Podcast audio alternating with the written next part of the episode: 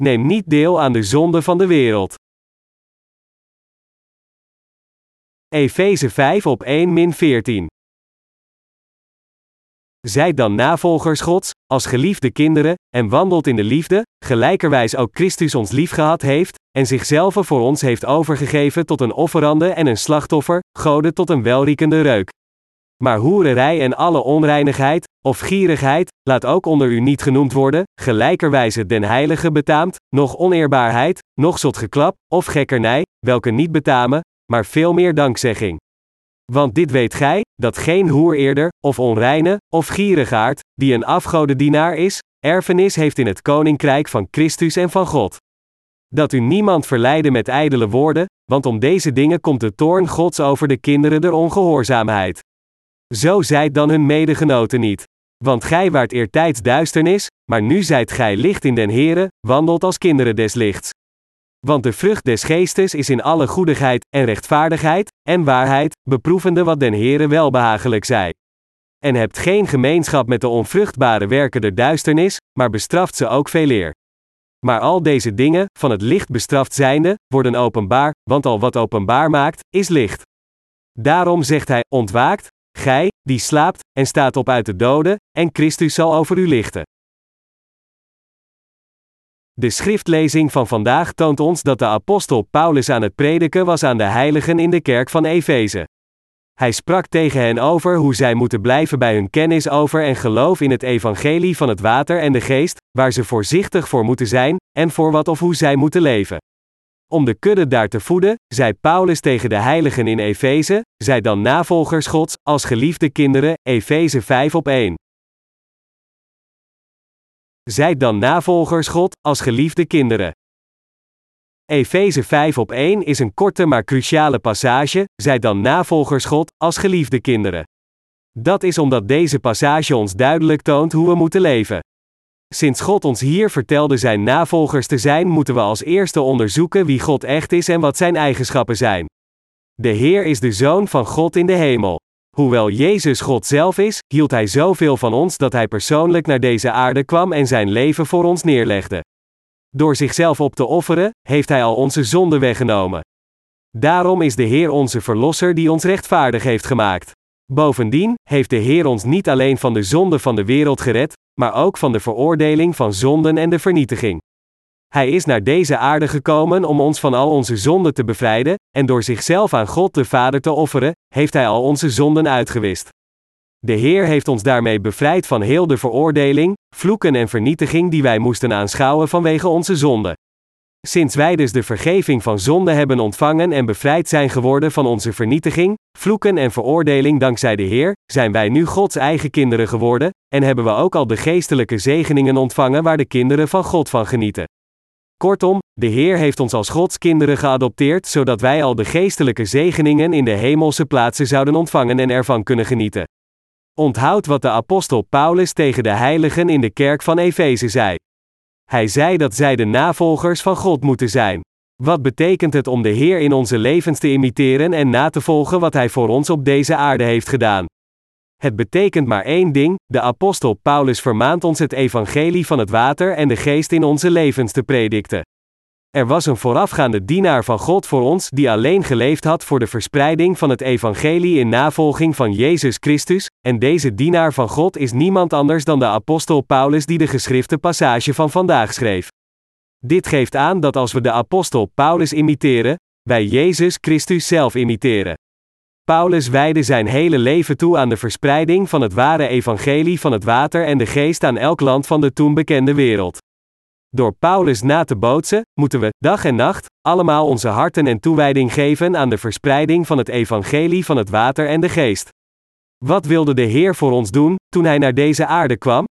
Hij wilde al de zonden van u en mij uitwissen. Wat heeft Hij dan gedaan om al onze zonden uit te roeien? Hij offerde zich voor ons op. God had zichzelf geofferd om ons de hemelse zegeningen te geven. Daarom moeten wij allemaal die de vergeving van zonde hebben ontvangen ons ook opofferen om dit evangelie van het water en de geest aan diegenen te prediken die nog steeds niet van hun zonde verlost zijn. Tijdens de uitvoering van zijn ambt op deze aarde, moedigde de apostel Paulus zijn kuddes aan om Jezus Christus te imiteren, zodat hun geloof zou groeien.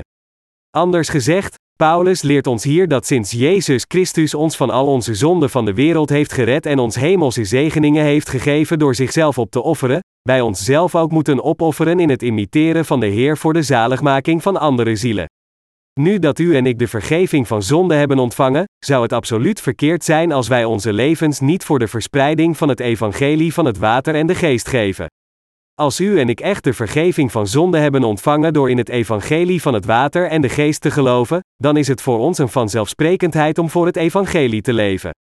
Gezien het feit dat wij de gelovigen in het evangelie van het water en de geest Gods genade en liefde gratis hebben ontvangen, is het alleen gepast dat wij dit evangelie van zaligmaking gratis aan iedereen geven die nog steeds niet dit ware evangelie kennen. Als we oprecht gered zijn van al onze zonden, dan is het onze natuurlijke roeping om onze levens aan dit doel toe te wijden. We moeten de stappen van de mensen in deze verdorven wereld niet volgen. De apostel Paulus zei ook de volgende woorden tegen de heiligen in de kerk van Efeze en tegen ons: Maar hoererij en alle onreinigheid, of gierigheid, laat ook onder u niet genoemd worden, gelijkerwijs het den heilige betaamt, noch oneerbaarheid, noch zotgeklap, of gekkernij, welke niet betamen, maar veel meer dankzegging, Efeze 5 op 3-4. Door deze passage vermaant de apostel Paulus ons, onszelf niet onzedelijk te gedragen of iets te begeren. Dergelijk gedrag wordt van zondaars verwacht die nog steeds niet van hun zonde verlost zijn, en daarom is het goed dat wij de verloosten ons ervan weerhouden. Echter, zelfs onder diegenen die Gods mensen waren geworden in de tijd van Paulus, waren nog steeds heiligen die dergelijke zonde pleegden. Paulus vermaant ons daarom opnieuw in de geschrifte passage van vandaag dat sinds wij in het evangelie van het water en de geest geloven, niemand van ons ooit deel mag nemen aan de zonde gepleegd door diegenen die nog steeds niet zijn wedergeboren. Natuurlijk is er geen garantie dat wij de heiligen nooit zo zouden leven als de mensen van de wereld. Ondanks dat wij geloven in het evangelie van het water en de geest, is onze vleeselijke natuur nog steeds intact, en daarom is het zeer goed mogelijk dat wij kunnen leven zoals de mensen van de wereld. Niettemin, wanneer u zich verleid voelt om zo te leven, dan moet u zich herinneren wat God tegen u zei in de geschrifte passage van vandaag, maar hoererij en alle onreinigheid, of gierigheid, laat ook onder u niet genoemd worden, Efeze 5 op 3. Deze passage toont ons duidelijk hoe belangrijk het voor ons is dergelijke zonden niet te plegen, want ze zijn zo smerig dat God ons vertelde ze zelfs niet bij naam te noemen. God waarschuwt ons onze waakzaamheid niet te laten zakken vanaf het allereerste begin, wees altijd op uw hoede voor dergelijke zonden, hou afstand van hen en noem zelfs niet hun naam. Met andere woorden, God waarschuwt ons dat als we onszelf zorgeloos toestaan aangetrokken te worden tot dergelijke zonden, we ze uiteindelijk zullen plegen. Het is zeer belangrijk voor ons deze passage in geestelijke termen te beschouwen en te begrijpen. Ondanks dat wij nu allemaal geloven in het evangelie van het water en de geest, voelen wij ons soms aangetrokken tot ontuchtige dingen, zoals pornografische foto's en films. Als we ons zorgeloos aan deze wellustige verlangens en verleidingen zouden overgeven, dan zouden we afgoderij plegen. Als we kijken naar het Oude Testament, dan zien we een koning genaamd Jerobeam die Israël veranderde in een land van afgoderij. Deze man haagde drie dingen na in zijn leven: roem, macht en seksuele bevrediging. Wat was het resultaat van zijn verdwaling? Ten eerste verving hij God met gouden kalveren van eigen makelij. Hij ging zelf zo ver dat hij deze gouden kalveren in Gods tempel plaatste, voor hem boog en zijn volk leerde dat deze gouden kalveren de God was die hen uit de slavernij van Egypte had bevrijd. En Jerobeam verlet de wet van God.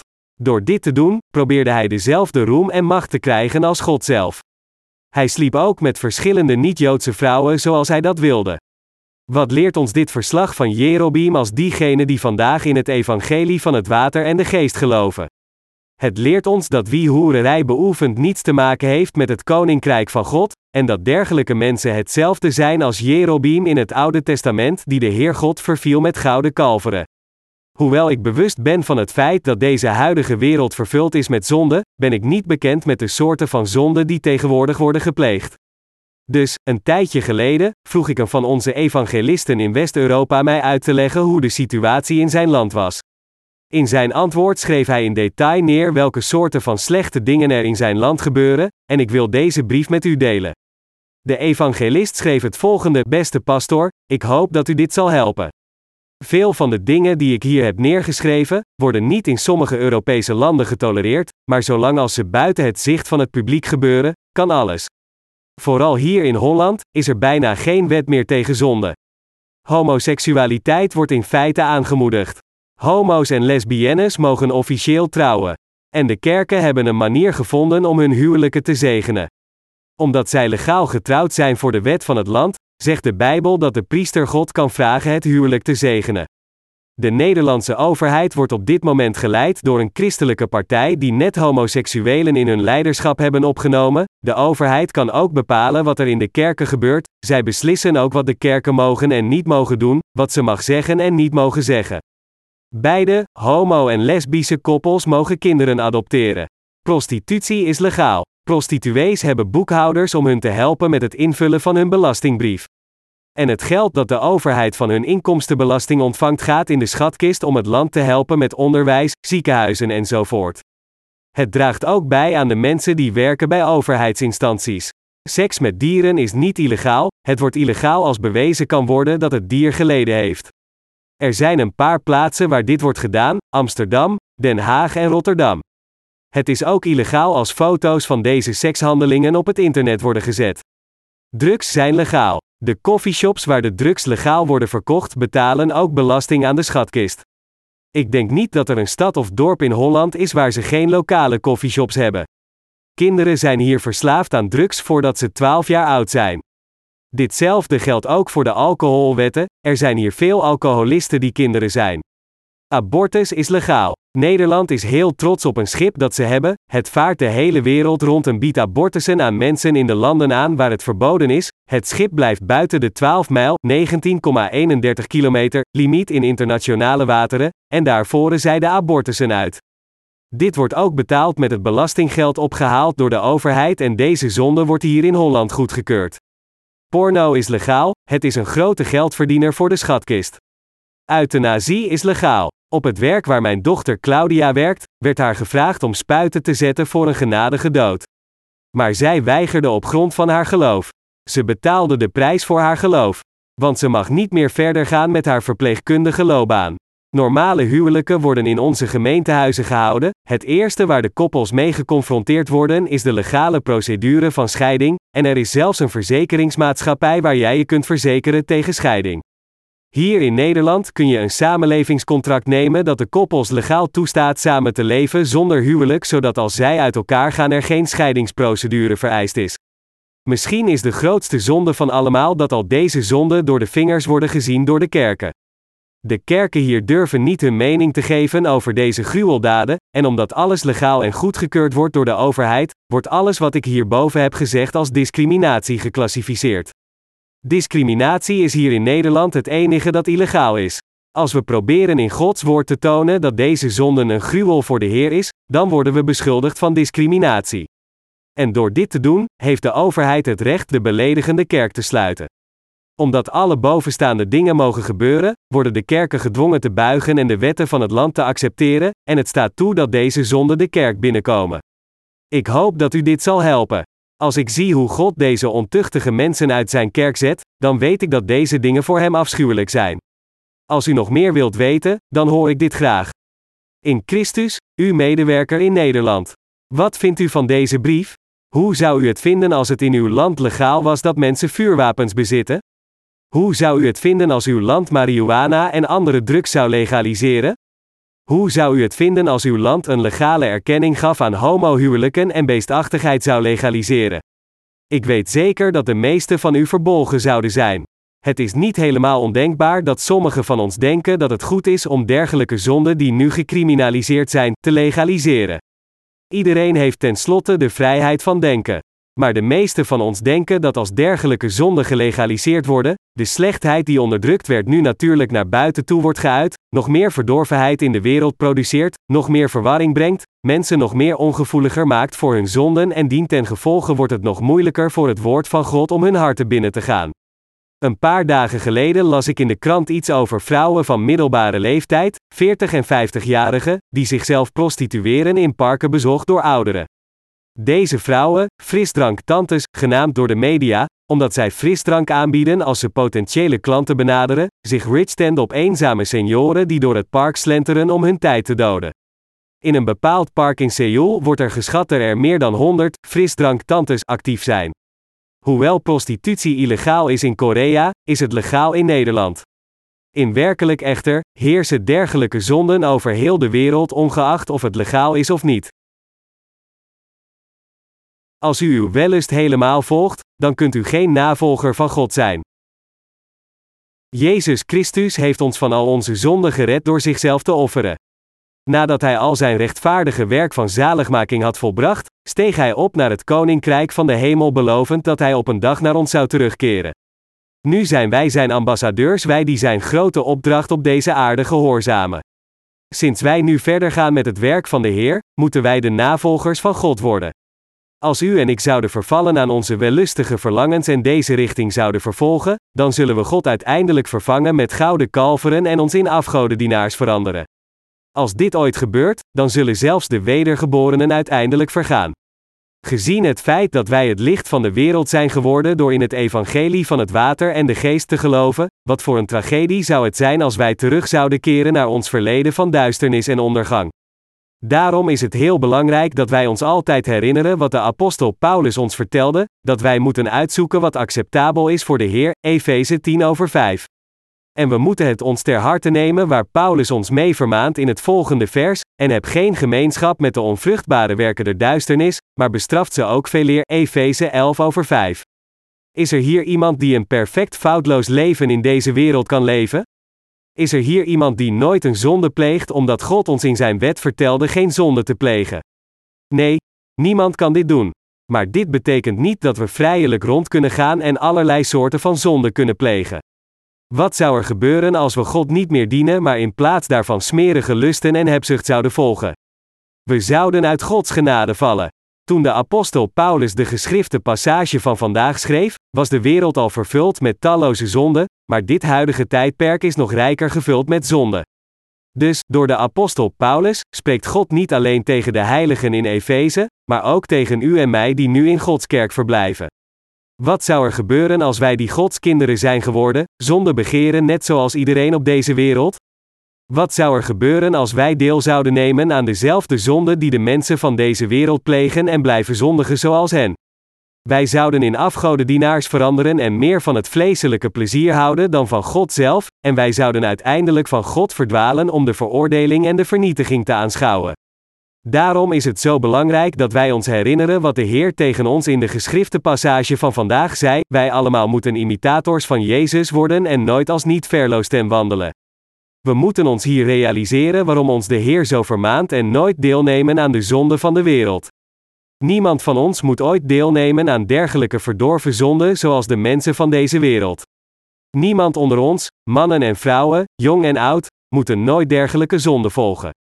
Hoewel wij allemaal in onze kerk verblijven, hebben we iedere dag nog steeds te maken met ongelovigen, en dus is het mogelijk dat wij verleid worden door datgene wat we zien van onze vrienden en bekenden in de wereld. Maar we mogen nooit aan deze verleidingen bezwijken en deelnemen in hun zonde. Als u deelneemt aan dergelijke zonden en verdwaalt, dan wordt u geleidelijk aan steeds ongevoeliger voor zonde. Beiden uw hoofd en uw hart zullen zo ongevoelig en verdoofd worden dat u smerigheid niet meer als smerigheid herkent. U mag uzelf nooit toestaan in een dergelijk ongevoelige persoon te veranderen om te genieten van losbandigheid en allerlei soorten smerige dingen te doen om uw wellust te bevredigen. U mag nooit dergelijke zonde plegen samen met de mensen van de wereld. Ik blijf deze vraag stellen: wat zou er gebeuren als christenen deelnemen aan de zonde die de mensen van de wereld plegen en in hun richting verdwalen? Hun harten zouden zo verharden en ongevoelig worden dat zelfs als zij berispt worden, eerder dan zich te bekeren, zouden ze schaamteloos eisen hen te vertellen welke zonde zij hebben gepleegd en wat zij verkeerd hebben gedaan. Een fraudeur weet niet wat hij verkeerd heeft gedaan nadat hij iemand bedrogen heeft. Dit lijkt misschien vreemd voor ons, maar deze mensen weten niet wat zij verkeerd hebben gedaan omdat hun harten zo verhard zijn door hun zonde. Men kan alleen goed van kwaad onderscheiden als zijn hart gevoelig en niet verdorven is, maar de harten van zondaars zijn allemaal verhard en daarom zijn zij zo ongevoelig. Het is waar dat ondanks dat u en ik de vergeving van zonde hebben ontvangen, wij nog steeds zonde plegen zoals wereldlijke mensen. Echter, wij zijn fundamenteel anders dan hen, want als wij dergelijke zonden plegen, wij beseffen onze fouten, bekeren ons en geloven weer in het woord. Maar als wereldlijke mensen zonde plegen, dan blijven zij deze zonde schaamteloos volgen alsof zij geen geweten hebben, en wat nog erger is, is dat sommigen van hen zelfs trots zijn op hun zonde. Als uw hart eenmaal verhard is, dan is uw geweten ook afgestompt. Wij allemaal moeten daarom nooit deelnemen aan de zonde die wereldlijke mensen plegen.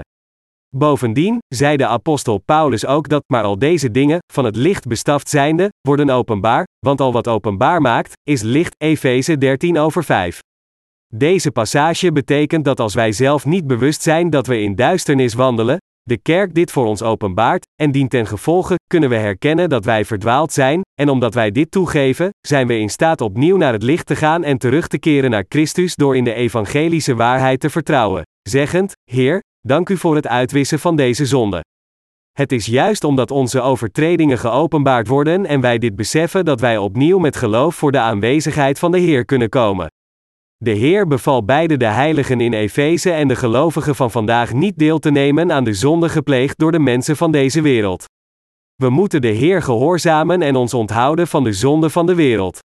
Natuurlijk, sinds wij allemaal menselijk zijn, hebben we nog steeds veel tekortkomingen en zien we ons zonde plegen, maar op dergelijke momenten moeten we onze overtredingen beseffen sinds zij door het licht geopenbaard werden. Volg niet de loop van de wereld. Ik heb van Efeze hoofdstuk 4 vanmiddag gepredikt, en in dit hoofdstuk leert de Heer ons dat wij moeten afleggen, met betrekking op ons vroegere gedrag, de oude mens die corrupt werd door de bedrieglijke lusten, Efeze 8 voor half 5. Wij mogen niet de loop van deze wereld volgen, ook al hebben wij er ooit naar gelopen, Efeze 2 op 2. Dat is omdat als wij de loop van deze wereld en haar stromingen volgen, wij uiteindelijk idolen gaan aanbidden, net zoals de wereldlijke mensen. We mogen onszelf nooit toestaan de loop van de wereld te volgen, als we dit doen, zullen we God uiteindelijk verlaten en vernietigd worden. De mensen van deze wereld volgen hun hebzucht alsof het hun doel is in hun leven om zonde te plegen, maar wij mogen hier nooit aan meedoen. Het is onvoorstelbaar schandelijk dat een rechtvaardige heilige de weg van de wereld volgt in plaats van de weg van de rechtvaardige. In plaats van de loop van de wereld te volgen, moeten we onze richting met Gods woord van waarheid veranderen. We moeten aan de loop van de wereld weerstand bieden en het naar het rechtvaardige pad sturen. Het is zeer gevaarlijk voor ons om met de zondige stromingen van deze wereld te stromen en de vleeselijke richting van anderen te volgen. Dat is omdat onze harten verhard worden, net zoals bij wereldlijke mensen. Als u zelf een klein beetje in de stroming van de wereld stapt, dan kunt u zich uw fout realiseren, terugkeren, uw hart verlossen en weer verder gaan met het volgen van de Heer. Echter, als u zich bij de mensen van de wereld aansluit, dan zal het zeer moeilijk voor u worden om terug te keren, sinds de mensen u niet zouden laten gaan. Als we leuk vinden wat wereldlijke mensen leuk vinden en niet leuk vinden wat zij niet leuk vinden, hoe zouden wij dan anders zijn dan de kinderen van Satan die de vergeving van zonde van God nog niet hebben ontvangen? Als we met de mensen van de wereld zijn, dan betekent dit dat wij zoals hen worden. Kijk eens naar wereldlijke mensen.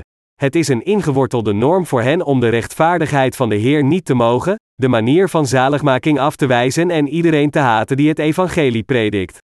Dus, hoe kunnen we onszelf toestaan om met hen zonde te plegen en hun manier van leven te volgen? We mogen nooit hun kant kiezen. Er is veel dat we kunnen leren van de geschrifte passage van vandaag. Net zoals Paulus ons vermaande, moeten we nadenken over dat wat God plezier doet, voorzichtig lopen als wijzen in plaats van dwazen, en onze tijd verzilveren. Nu dat we de Heer hebben ontmoet, moeten we met Hem blijven wandelen totdat we onze laatste adem uitblazen. En als we verder gaan met onze levens, moeten we onze tijd goed gebruiken om het evangelie ijverig te prediken, zodat we elke hoek op deze aarde bereiken. Te zijner tijd zal deze wereld onleefbaar worden, en dus voordat dit echt gebeurt, moeten we nadenken hoe we onszelf moeten gedragen om wijs te leven en de tijd die we nu hebben te verzilveren. De Heer zei in Efeze kwart over 5 min 21, Ziet dan, hoe gij voorzichtig lijk wandelt, niet als onwijze, maar als wijze. Den tijd uitkopende, dewijl de dagen boos zijn. Daarom zijt niet onverstandig, maar verstaat, welke de wil des Heren zij. En wordt niet dronken in wijn, waarin overdaad is, maar wordt vervuld met den geest, sprekende onder elkander met psalmen, en lofzangen, en geestelijke liederen, zingende en psalmende den Heere in uw hart, dankende te allen tijd over alle dingen God en den Vader, in de naam van onze Heere Jezus Christus, elkander onderdanig zijnde in de vreze Gods. Wat precies is een oprecht wijs leven? In de tijd van de apostel Paulus was Efeze een beruchte decadente stad. Deze stad lag aan de kust in het zuidwesten van Turkije. Deze stad was zeer welvarend in de tijd van Paulus en ook beroemd om zijn tempel van Artemis en verschillende andere tempels van Griekse goden, Handelingen 19 vers 35. Er waren veel priesteressen in deze tempels om de rituele offers voor de mensen van Efeze uit te voeren om hun afgoden te aanbidden. Maar de priesteressen waren feitelijk niets meer dan prostituees, sinds de mensen die naar de tempels kwamen om offers te brengen aan hun heidense goden betrokken waren in seksuele activiteiten met de priesteressen als een religieus ritueel. Afgoderij houdt bijna altijd verband met seksuele immoraliteit. Dit toont ons hoe zondig en smerig Efeze was. Maar zelfs in een dergelijke tijd, toen bijna alle Efeziërs deelnamen aan seksuele losbandigheid, waren er toch sommige mensen die in Jezus geloofden. Dus, door de apostel Paulus, leerde de Heer deze trouwe kinderen van God hoe zij tussen zoveel zondaars moesten leven. God vertelde de Efezische heiligen niet met de zondaars om te gaan. In plaats van deel te nemen aan de onzedelijke activiteiten van dergelijke zondaars, vertelde God hen geestelijk ingesteld te zijn, hun tijd goed te gebruiken en al hun energie toe te wijden aan datgene wat de Heer plezier doet. Zouden we niet zo een goddelijk leven moeten leiden als de Heer ons heeft verteld? Zodat u en ik in geloof groeien en een rechtschapen leven leiden tot de dag dat de Heer terugkomt, moeten we alles doen volgens Zijn woord. En we moeten in Zijn woord vertrouwen en het diep in onze harten herinneren. Niemand van ons mag ooit deelnemen aan zondige activiteiten waarin wereldlijke mensen zijn betrokken. Het is waar dat de wereld ons niet met rust laten, ook al willen we niets met hun zaken te maken hebben. Zolang als we leven in deze wereld, is het onvermijdelijk dat wij op de een of andere manier met wereldlijke mensen omgaan, en iedere keer als we dit doen, is het natuurlijk voor ons om beïnvloed te worden door hun zondige daden. Dat is waarom het nog belangrijker voor ons is om het woord van God in onze harten te onthouden en onszelf van alle zondige plaatsen te distancieren. Ondanks dat het moeilijk is wereldlijke verleidingen te weerstaan, kunnen we al deze verleidingen met geloof overwinnen omdat alles tijdelijk en niets onoverkomelijk is voor onze hoop op het koninkrijk van de hemel. Adolescenten moeten bijzonder voorzichtig zijn. Ze staan op punt dat hun lichamen overgaan in het volwassen worden, maar hun verstand is nog steeds onvolwassen en nieuwsgierig. Maar als zij hun nieuwsgierigheid niet bedwingen en zonde plegen, dan zal dit hun verstand en geweten vernietigen. Er is nog veel dat jonge mannen en vrouwen moeten leren voordat ze trouwen en kinderen krijgen. Het is beter dat zij op het juiste moment wachten. Als zij in plaats daarvan bezwijken aan vleeselijke verlangens en zonde plegen vanaf een jonge leeftijd, dan zal dit hun karakter ruineren. Als zij toestaan dat hun adolescentie gekenmerkt wordt door te veel zonde, dan zullen zij het onmogelijk vinden zichzelf te controleren en in hopeloze onverbeterlijke deugnieten veranderen. Als iemand te veel vleeselijke zonden in zijn kindertijd pleegt, dan zal dit zijn karakter en zijn verstand vernietigen, en dient ten gevolge weten ze niet meer hoe zij goed moeten zijn en hebben ook geen interesse in wat goedheid is. Het is heel gevaarlijk voor een adolescent om toe te geven aan seksuele verleidingen en te veel zonde te plegen. Deze waarschuwing geldt niet alleen voor adolescenten. Dit geldt ook voor ons allemaal, want niemand van ons mag ooit deelnemen aan zondige activiteiten zoals de mensen van de wereld doen. Ik kan niet genoeg benadrukken hoe belangrijk het is dat wij ons onthouden van alle zonde. Ondanks dat deze hele wereld de zondige stroming volgt, moeten wij, de rechtvaardigen, waakzaam zijn, het zwaard van geloof slijpen en onze tijd in onze levens toewijden aan het werk van rechtvaardigheid. Om te kijken hoe immoreel deze wereld is, hoeft u alleen maar naar sommige tv-programma's te kijken. Massamedia is zo invloedrijk dat ze de geest van mensen kunnen vormen en de koers van de wereld kunnen bepalen. Zoveel sensationele en schandalige programma's doen een beroep op de basale en grofste instincten, alsof het de bedoeling is om van elke jongere een beroemdheid te maken. Televisie is een van de ergste overtreders als het gaat om het promoten van zonden in deze wereld. Als u een tiener bent, dan bevindt u zich in de meest emotioneel gevoelige fase van uw leven, waardoor u elke dag een dichter bent. Dit is de tijd in uw leven dat alles voor u poëtisch is, u wilt uw gevoelens uitdrukken, en u wordt gemakkelijk beïnvloed door de kleinste gevoelens in uw hart. Hoewel u al uw impulsen kunt laten zien, als u al bent wedergeboren uit water en geest, dan mag u uw handelingen niet laten beïnvloeden door uw emoties om aan de zonde te vervallen. De Heer vertelde duidelijk tegen ieder van ons, jong en oud, nooit deel te nemen aan de zondige activiteiten van de mensen van de wereld. De gevolgen zijn duidelijk als we bezwijken aan dergelijke verleidingen, we zullen vernietigd worden.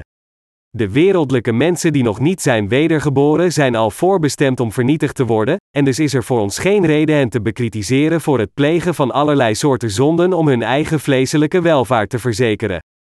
Voor hen is het verzekeren van vleeselijke welvaart door middel van welk zondig middel dan ook de barometer van succes. Echter, onze weg verschilt compleet van hun weg. Dat is waarom als wij ons toestaan meegesleurd te worden in de loop van de wereld, wij geruineerd worden.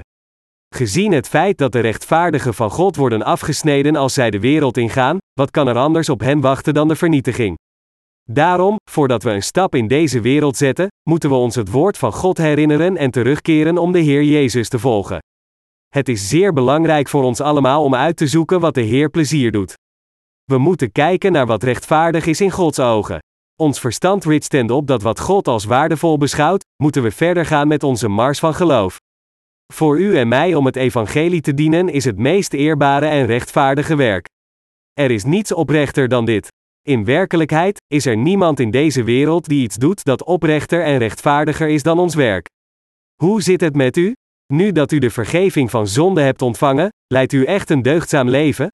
Leeft iedereen in onze kerk eerbaar zonder enige uitzondering, van de kinderen in de zondagschool tot onze tieners en volwassenen, mannen en vrouwen? Goed gemanierd en zachtaardig zijn betekent niet noodzakelijkerwijs dat men een deugdzaam leven leidt. Per slot van rekening, als we het rechtvaardige werk van de Heer uitvoeren, dan zijn we vaak zeer vocaal en vechten zelfs met de dienaren van Satan. Mijn medegelovigen, hoewel de wereld wordt meegesleurd in de wervelende golf van zonde, ploegen wij vooruit tegen de onophoudelijke stroom van zonde door de slagen van gerechtigheid. Net zoals een zalm instinctief terugkeert naar zijn geboorterivier, keren wij, de rechtvaardigen, terug naar God. Een zalm zwemt met al zijn kracht tegen de stroming in om terug te keren naar zijn geboorteplaats. Dat is omdat dit het instinct van de zalm is om kuit te schieten en te sterven in zijn geboorteplaats.